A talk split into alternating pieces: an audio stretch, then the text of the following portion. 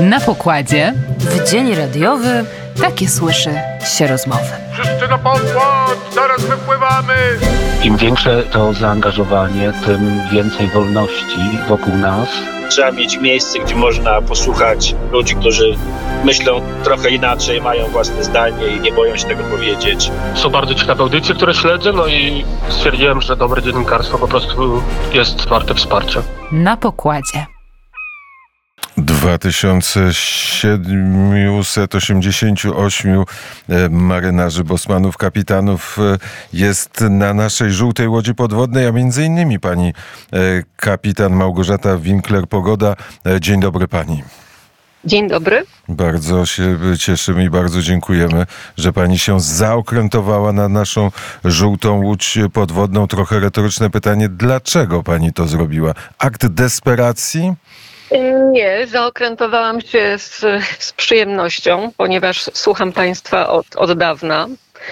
Yy, chyba jeszcze od czasów, kiedy żółta łódź podwodna unosiła się na falach Radia Warszawa. Yy, pamiętam yy, różne ciekawe inicjatywy, na przykład jarmark w ruinach Konesera. To, to też już były dawne czasy. Właściwie to od, od wielu lat y, zaczynamy tutaj w domu y, dzień z porankiem Radia Wnet. I jest to moja ulubiona audycja, ale nie tylko, bo y, korzystam też z różnych podcastów i, i z, z wielu innych audycji, które Państwo proponują i bardzo mi się podoba pasja i energia, z jaką działa radio i jeżeli potrzebuję pomocy, to, to chętnie wspieram. I za to bardzo e, dziękujemy. E, czyli wędrujemy razem między, e, między czasami, bo Radio Warszawa to lata e, 2010, 2015 czy 2016. E, Wtedy rządził Polską Donald Tusk. Teraz rządzi Donald Tusk. Po drodze była dobra zmiana. I co pani myśli o tej polityce polskiej? Myślę jak najgorzej. Szczerze mówiąc, z wielkim niepokojem, a czasami z, z przerażeniem, widząc, co, co się dzieje. I i jeżeli tak yy, dalej się to potoczy, właściwie to, to chyba wygląda, że to jest jakaś równia pochyła, to, to możemy dojść do jakiegoś wielkiego nieszczęścia, bo zagrożenia zewnętrzne yy, są niebywałe. Mówię o tym, co było w poprzedniej kadencji Tuska. I y, myślę, że takie radio, które może informować i jest prawdziwie wolnym głosem, jest bardzo cenne, zwłaszcza w tych czasach. B- b- Andrzej Duda. Bardzo ważne e, czasy wyborcze są przed nami. Wybory do euro, najpierw samorządowe, potem do Europarlamentu, ale najważniejsze wybory e, prezydenckie. Czy ma pani już e, na oku kandydata albo kandydatkę w wyborach prezydenckich, którą by chciała pani poprzeć? Mm, No najpierw chciałabym zobaczyć, kto będzie startował. To prawda, jeszcze nie wiemy, kto będzie startował, wiemy, ale może pani będzie- widzi takiego polityka albo e, panią polityk, na którą chciałaby pani i myśli pani sobie, to byłby najlepszy prezydent Polski.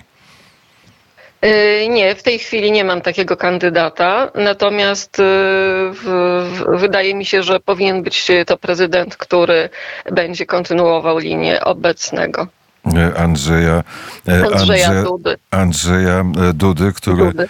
który jest teraz w rozmaitych e, kłopotach. Raz jest e, pod ścianą, e, jest uczciwym politykiem, który e, w tym gąszczu fałszu nie zawsze potrafi się połapać albo odpowiednio, e, odpowiednio fałszywą kartą zagrać, żeby e, jakąś partię pokera wygrać.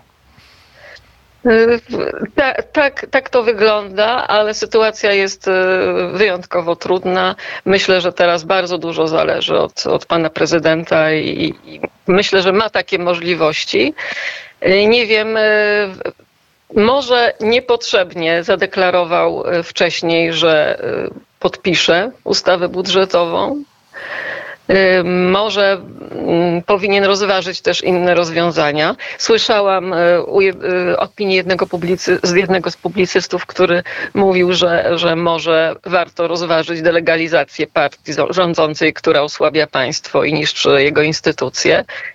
No okaże się. Zobaczymy, poczekamy. Zobaczymy, a pani jest y, wydawcą. Dobrze mówię? Y, To znaczy, y, tak, byłam, y, ale właściwie zajmuję się redakcją książek. I między innymi książkę. I czasami pisaniem. Od czasu do czasu. I, I między innymi książkę o rozmowę z mamą Emila Barchańskiego? Tak, tak, tak. W- Wyszła taka książka w 2019 roku. Jest to książka wspomnieniowa. Wywiad rzeka z mamą Emila Barchańskiego. Książka, która opowiada y, o tym chłopcu.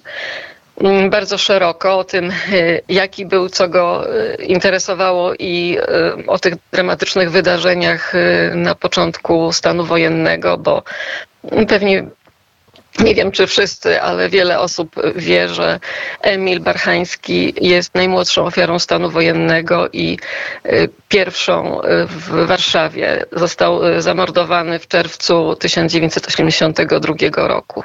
No to już będzie ponad 40 lat od tych wydarzeń, ale warto o tym pamiętać i jeżeli kogoś interesuje ten temat, to Polecam książkę. Jest y, już chyba niedostępna na rynku, ale może w bibliotece. Mm, I Może będzie dodruk. Wy- Wyda, wydał IPN. przypomnijmy, że był wtedy uczniem liceum i że nigdy nikomu niczego nie udowodniono. Tak, tak. Nikt nie poniósł y, kary. Jest to jedna z niewyjaśnionych zbrodni stanu wojennego. I nie wiadomo, czy y, kiedykolwiek będzie wyjaśniona, tym No bardziej, nie że... będzie, już śledztwo zostało umorzone. y, Kolejne, wz- y, no niestety to już jest nie do odkrycia, nie do wyjaśnienia, aczkolwiek y, były poszlaki, kto to zrobił, jak to, jak, jak to wyglądało. Y, To, y, to y, prawda. I chciałem dodać zdanie, tym bardziej, że IPN ma zmniejszony, drastycznie zmniejszony budżet. O tym wczoraj mówiliśmy w poranku wnet. Minus, jeśli dobrze pamiętam, minus 70 milionów złotych na kontach IPN-u. To oznacza, że trzeba zmniejszyć drastycznie ilość programów, które IPN realizuje. No to tak, tak, tak, tak wygląda niestety. No jaki jest? Bo, bo o tej polityce, może ja nie będę pani e, pytał za bardzo szczegółowo o politykę i o tym, co pani e, sądzi, bo już e, chciałem zapytać o, o to, jaki pani zdaniem jest cel rządu Donalda Tuska. Pani kapitan może uchylić się od odpowiedzi. Y, Celem wydaje mi się, że może nawiążę do tego, co mówił mój przedmówca, pan europoseł, y, który dość jasno naświetlił, jaki to jest cel. Realizacja planów Unii Europejskiej y, i centralizacja. E, I A zarazem zniszczenie tutaj instytucji państwowych, które mogłyby mieć jakiś wpływ, z, z, blokować to. I porząd, no, w, w zasadzie to mo, można powiedzieć, że likwidacja Polski. A gdybyśmy chcieli o tym opowiadać dzieciom, to moglibyśmy powiedzieć, że to jest wyprawa po skarb. W Narodowym Banku Polskim jest e, 375 ton złota. Po ten skarb trzeba się wyprawić po to, żeby ten skarb przejąć i odpowiednio ulokować w odpowiednio innym banku. No można też tak to ująć. Ja też y, y, ostatnio czytałam o księciu Radziwile, właścicielu pałacu w Nieborowie i o tym, y, jak podpisywał, y, przystąpił do targowicy, podpisywał papiery i do końca życia brał pieniądze od y, ambasadora rosyjskiego. To taka analogia. Zapraszamy panią na krakowskie przedmieście 79 do naszego studia, żeby kontynuować już nie przez telefon rozmowę, ale po prostu zwyczajnie przy kawie. Bardzo dziękuję.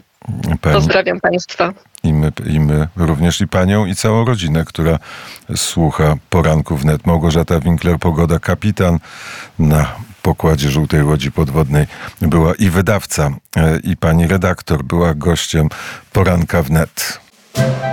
Na pokładzie W dzień radiowy takie słyszy się rozmowy. Wszyscy na pokład, zaraz wypływamy! Im większe to zaangażowanie, tym więcej wolności wokół nas Trzeba mieć miejsce, gdzie można posłuchać ludzi, którzy myślą trochę inaczej, mają własne zdanie i nie boją się tego powiedzieć. Są bardzo ciekawe audycje, które śledzę, no i stwierdziłem, że dobre dziennikarstwo po prostu jest warte wsparcia. Na pokładzie.